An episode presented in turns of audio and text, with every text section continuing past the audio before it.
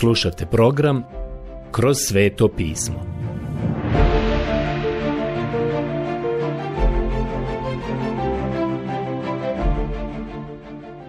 Knjiga Evanđelje po Ivanu. Odlomak Evanđelje po Ivanu, poglavlje 1 od 19. do 50. stiha. Prijatelji, do sada smo proveli neko vrijeme ovdje u uvodu i prologu Evanđelja po Ivanu. Razlog je taj što ga smatramo važnim, zapravo veoma važni? Vidjeli smo da imamo tri izvanredne izjave u stihovima 1 i 2, zatim u stihu 14 i u stihu 18. Postoje po tri izjave u svakoj od njih, a mi smo te tri izjave pokušali sastaviti zajedno. I vidjeli smo da se one uklapaju. Kakav je to svemir u kojem vi i ja danas živimo? Kako biste podijelili svemir? Govorio sam vam o naučniku iz New Jerseyja koji mi je rekao sljedeće. Ovaj svemir se može podijeliti na vrijeme, prostor i materiju. Možete li se sjetiti nečeg četvrtog što bi trebalo biti ubrojano u komponente ovog našeg svemira? Pokušali smo dalje i to troje podijelili na isti način. Dodatni prolog Ovdje imate vrijeme, prostor i materiju u svima njima. Prvi stih u početku bijaše riječ i riječ bijaše kod Boga. Seže daleko u prošlost vječnosti, vrijeme i prostor. 14. stih. I riječ je postala tijelom. Sišla je dole među nas. I apostol Pavle to opisuje kako Isus nije držao za otimačinu da bude jednak Bogu. Poslanica Filipljanima 2.6. I došao je dole k nama na ovu zemlju.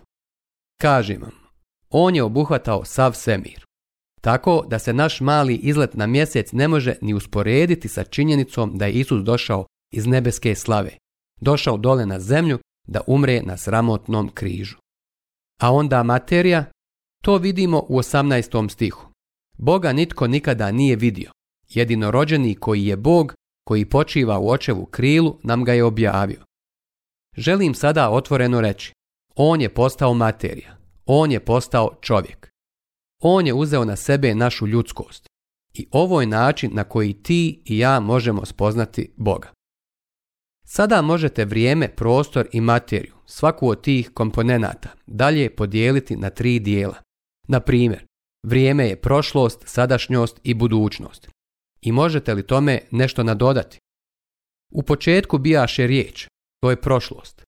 Sadašnjost, riječ je postala tijelom, to jest u naše vrijeme, on je sišao dole i postao čovjek. Budućnost Boga nitko nikada nije vidio i jedinorođeni nam ga je objavio. Čak je i apostol Pavle rekao na kraju svog života sljedeće riječi. Da spoznam njega i silu uskrsnuća njegova. Poslanica Filipljanima 3.10. To gleda u budućnost, jer jednog dana ćemo biti u njegovoj prisutnosti i upoznat ćemo ga. Kako je on predivan. Dakle, Hoćete li pogledati na svemir? Tamo imamo dužinu i širinu i visinu. U početku bijaše riječ. To seže daleko u prošlost, dužina. Širina, on je sišao na ovu zemlju i utjelovio se. A zatim visina. Boga nitko nikada nije vidio. Jedinorođeni koji je Bog, koji počiva u očevu krilu, nam ga je objavio. On je došao sa visine da nam ga objavi i otkrije. Ovdje dakle imamo prostor. A onda imamo i materiju koja se također dijeli na tri dijela. Energija, gibanje i pojave. Sada govorimo o energiji. U početku bijaše riječ i riječ bijaše kod Boga. Kakvu energiju imamo ovdje? On je progovorio i ovaj svemir je nastao. I kako je samo to nevjerovatna stvar. A zatim gibanje. Riječ je postala tijelom izašao je iz nebeske slave i došao na ovu zemlju. A onda pojave. Najveća pojava na ovom svijetu je Isus Krist. Čuda drevnog svijeta, čuda koja možemo vidjeti i u naše vrijeme. I sva naučna otkrića nisu ništa u poređenju sa čudom utjelovljenja. Bog je postao čovjek. On je sišao na ovu zemlju da nam objavi i otkrije Boga i da otkupi čovjeka. Dragi prijatelji, ne možete dobiti ništa veće od ovoga. Kako je ovo sjajno! Ovaj prolog izaziva strahopoštovanje. I premda je ovo pisano jednostavnim jezikom, vi i ja nikada nećemo moći zaroniti u dubine ovog života. Svjedočanstvo Ivana Krstitelja Dopustite mi da pređem na proučavanje prvog poglavlja Evanđelja po Ivanu, jer smo danas to postavili kao zadatak ispred sebe. Čitamo sada ovdje u 19. stihu sljedeće. Ovako glasi Ivanovo svjedočanstvo, kad židovi iz Jerusalema poslaše k njemu svećenike i levite da ga zapitaju tko si ti? Evanđelje po Ivanu 1.19. Ovo je prvi događaj u životu Ivana Krstitelja o kojem nam apostol Ivan daje zapis ovdje u svome evanđelju. Ovdje ne vidimo početak Ivana Krstitelja, njegovo rođenje kao što to vidimo kod doktora Luke. Ali ovo je zapis apostola Ivana. I šta je to bilo? Došli su Ivanu Krstitelju i upitali su ga. Tko si ti? U tome je postoji jedno suptilno iskušenje. Ovdje je bila prilika da učini da se istakne i napravi nešto od sebe, ali on je veoma iskreno priznao i rekao je. On se mora uvećati, a ja se umanjiti. Evanđelje po Ivanu 3.30. Kakva je samo to izjava? U pitanju je takva izjava koju bi svaki vjernik ne samo trebao dati, nego bi trebao i živjeti tu izjavu. On se mora uvećati, a ja se umanjiti. Prijatelji, ne mogu oba biti na vrhu. Ili je Krist primaran u vašem životu i zauzima prvo mjesto, ili ćete vi, to jest ono sebično ja, biti na vrhu. Ne može se imati oboje na vrhu. On se mora uvećati, a ja se umanjiti. Ili će biti obrnuto. Ti ljudi su Ivanu Krstitelju postavili pitanje. Tko si ti? On prizna i ne zataji. Prizna, ja nisam Mesija. Evanđelje po Ivanu 1.20. Vidite, oni su mudro sugerisali da bi on mogao biti Mesija. I imali su mesijansku nadu, ali im je Ivan Krstitelj veoma jasno rekao ja nisam Mesija, ja nisam Krist, gledate krivog čovjeka. Onda, ako on nije Krist, onda on zasigurno mora biti neka druga značajna i velika osoba. Tada ga upitaše, što dakle, jesi li možda Ilija? On odgovori, nisam. A onda su rekli, jesi li prorok? To jest prorok poput Mojsija. Mojsiju je Bog u knjizi Ponovljeni zakon obećao da će poslati proroka poput njega. On odgovori, nisam. Evanđelje po Ivanu 1.21. Zapazite koliko se zapravo Ivan Krstitelj ovdje ne ističe. Njegovi odgovori su veoma sažeti i kratki i postaju sve kraći kako ga nastavljaju ispitivati. Tko si ti? A on im kaže, ja nisam Krist. Oni ga ponovo pitaju. Onda si ti sigurno Ilija. On im odgovara, nisam. A onda su rekli, pa onda mora da si ti onaj prorok koji je predskazan. On daje odlučno odgovor, nisam. Zapazite sada šta su oni učinili. Onda mu rekoše, tko si dakle? Mi ipak moramo donijeti odgovor onima koji nas poslaše. Što kažeš sam za sebe? Evanđelje po Ivanu 1.22 Rekli su da im mora odgovoriti i reći ko je zapravo on. Ne možemo prihvatiti gomilu odričnih odgovora i reći samo da on nije ovo ili ono. Ni ovaj, ni onaj, ni treći, ni četvrti. I tako se on sam identifikuje ovdje. Poslušajte šta kaže Ivan Krstitelj. On odgovori. Ja sam glas onoga što viče u pustinji.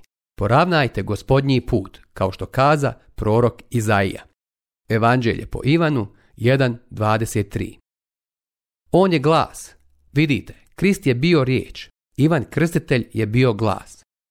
Danas mene možete čuti preko radio valova i dok me sada slušate, sveo sam se na glas. Išao sam u naokolo i održavao skupove. I uživao sam jer sam upoznavao toliko naših slušalaca. I mnogi od tih ljudi kažu, sad vidim lice koje ide uz glas. Ili bi mi rekli, Često sam se pitao kako izgledaš. I ja ponekad kažem tim ljudima, a pogotovo kada mi priđe neka draga i mila gospođa i kaže Slušala sam vas i pitala sam se kako izgledate, a ja onda kažem Mislili ste da sam mali, nizak, ružan starac. A onda one kažu, o ne. Naravno, pokušavaju pobjeći od direktnog odgovora, a ja im onda kažem, ipak ste bili u pravu. To ste sada otkrili uživo. Mogu reći da sam ja ovdje samo glas. To je sve ono što je i Ivan Krstitelj želio biti. Možete biti sigurni u jednu stvar, a to je da smo mi više od glasa i da želimo biti više od glasa. Ali Ivan Krstitelj nije bio voljan biti ništa više od samog glasa. To je sve. Imao je važnu poruku koju je trebao da prenese drugima. Poruku koja je bila veća i važnija od njega. Iskreno, i ja sam zadovoljan samim tim što sam glas, jer je poruka koju imamo svakako veća od svakog pojedinca. I mislim da je jedna od ljepota radija to što se nečija osobnost ovdje ne može umiješati u samu poruku, već je to samo glas koji čujete. I naravno, taj glas bi trebao navješćivati Kristovu slavu. Ovdje je imao veliku poruku koju je želio prenijeti drugima. Molim vas, poslušajte šta je on rekao. Ja sam glas onoga što viče u pustinji. Poravnajte gospodnji put, kao što kaza prorok Izaija. Evanđelje po Ivanu 1.23 Drugim riječima, to je velika poruka. Pripremite se za dolazak gospodnji. Pretpostavljam da je na to i mislio. Približilo se kraljevstvo nebesko. Bilo je na dohvat ruke, tu je bio prisutan sam kralj. Zatim, Ivan Krstitelj kaže, poravnajte, drugim riječima, Izbacite pokvarene stvari iz svog života.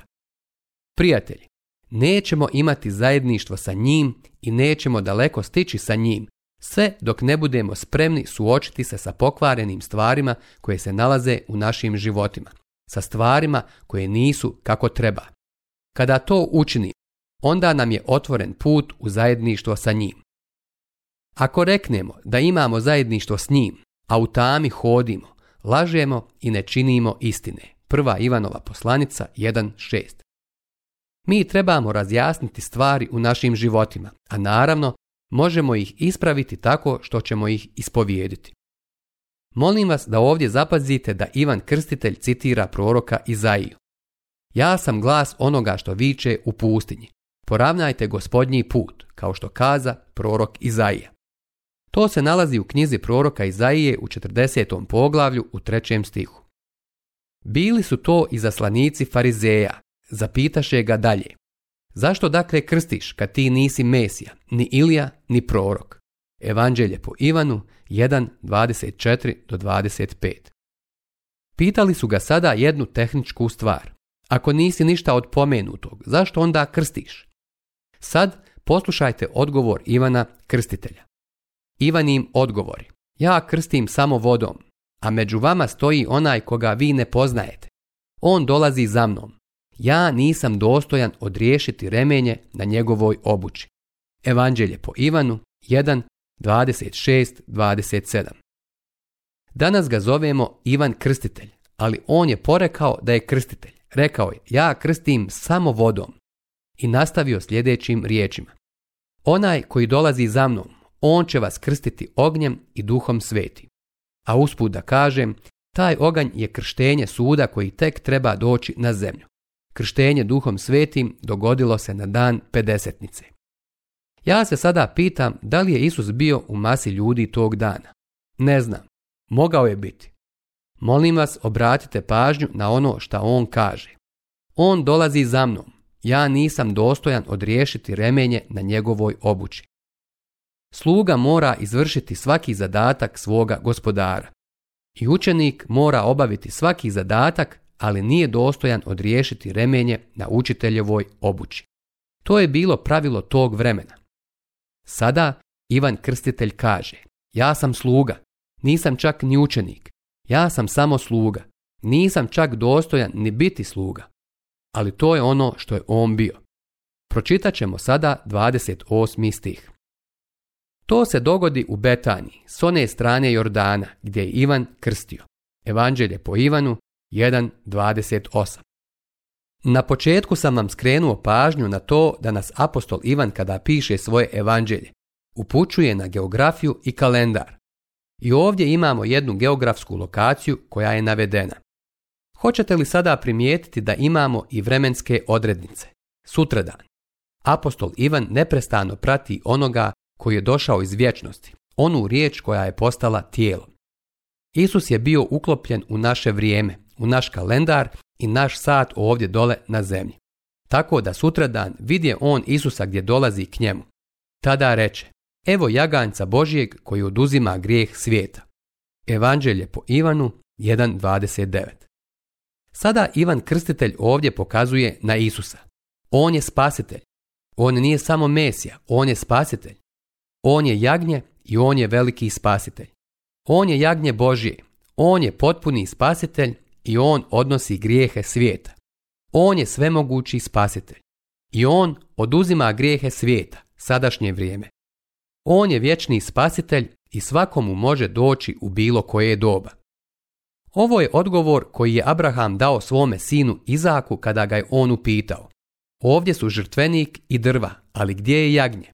a Abraham mu je rekao, Bog će sebi obezbijediti jagnje. Ovdje je jagnje. Ovo sada dokazuje da je Kain bio u krivu, a Abel je bio u pravu. Abel je donio malo jagnje i sva jagnjad koja su kroz vijekove bila zaklana na hebrejskim oltarima, nalaze sada svoje ispunjenje u njemu. Ivan Krstitelj sada pokazuje na njega i kaže Evo jaganjca Božjeg koji oduzima grijeh svijeta. I on još kaže ovo je onaj za koga sam rekao. Za mnom dolazi čovjek koji je predamnom, jer je bio prije mene.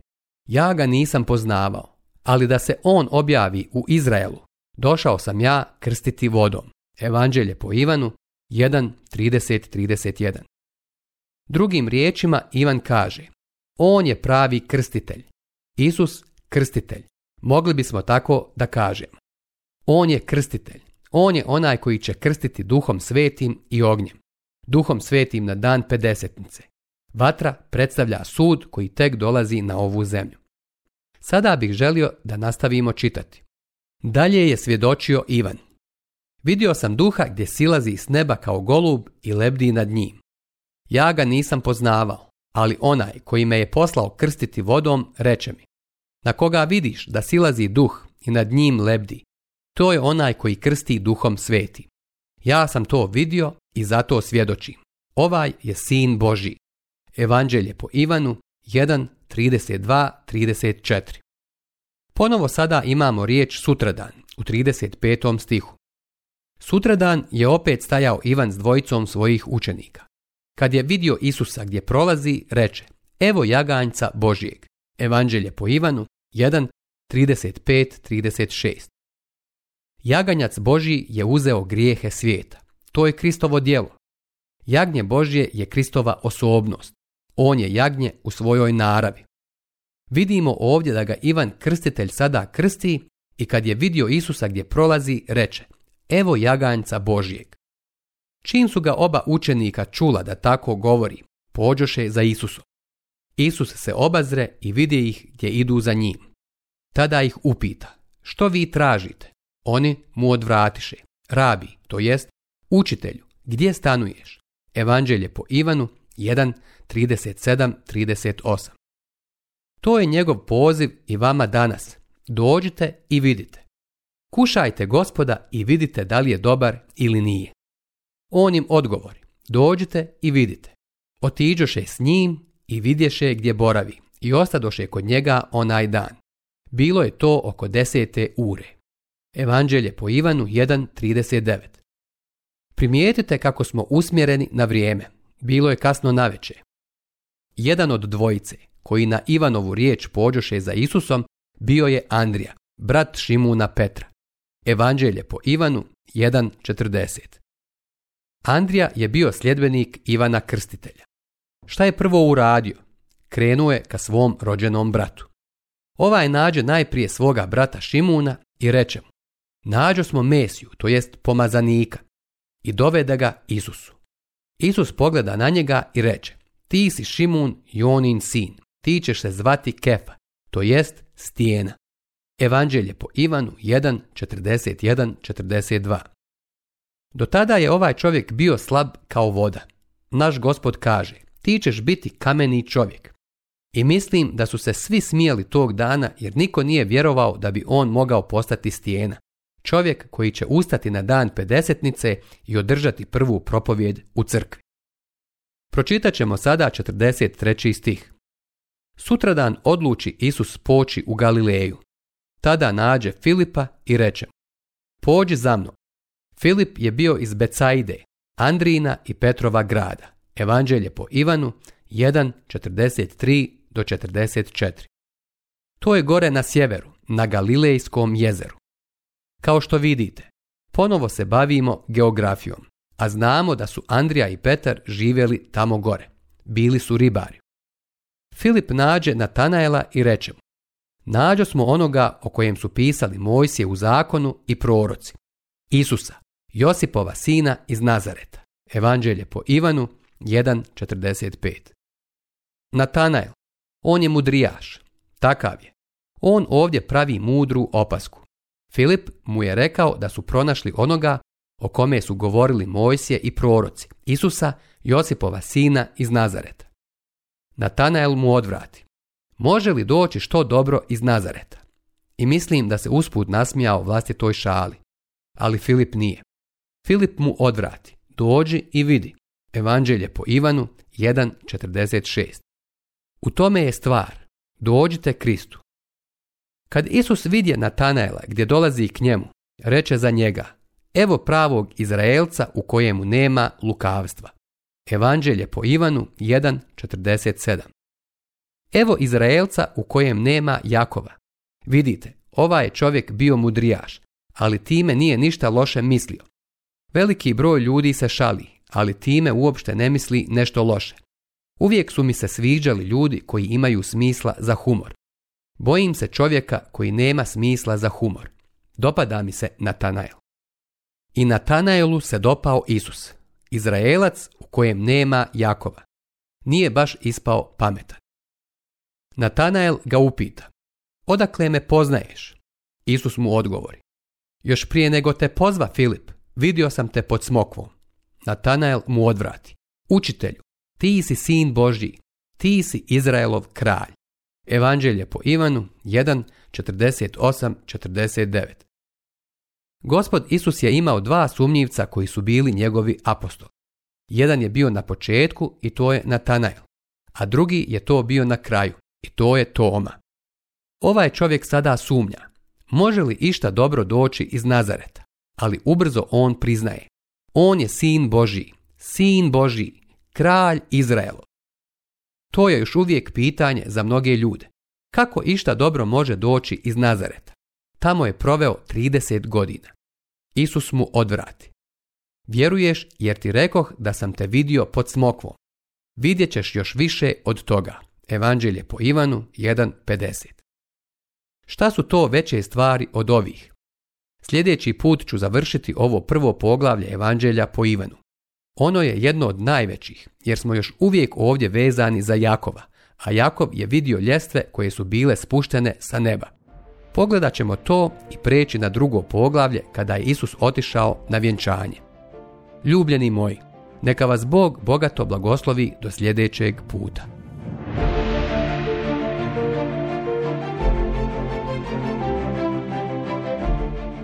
Slušali ste emisiju Kroz sveto pismo. Možete nas slušati i na našem YouTube kanalu, putem mobilne aplikacije, te na svim glavnim podcast platformama kao što su Google, Apple i Spotify. Ako vam se naši programi dopadaju, preporučite ih i podijelite s drugima. Budite slobodni da ostavite svoj komentar ili nam pišite na našu e-mail adresu kroz svetopismo.bih at gmail.com Zapratite našu stranicu kroz sveto pismo BiH na Facebooku i na Instagramu. Emisije iz ove serije možete pronaći na našoj stranici ttb.twr.org.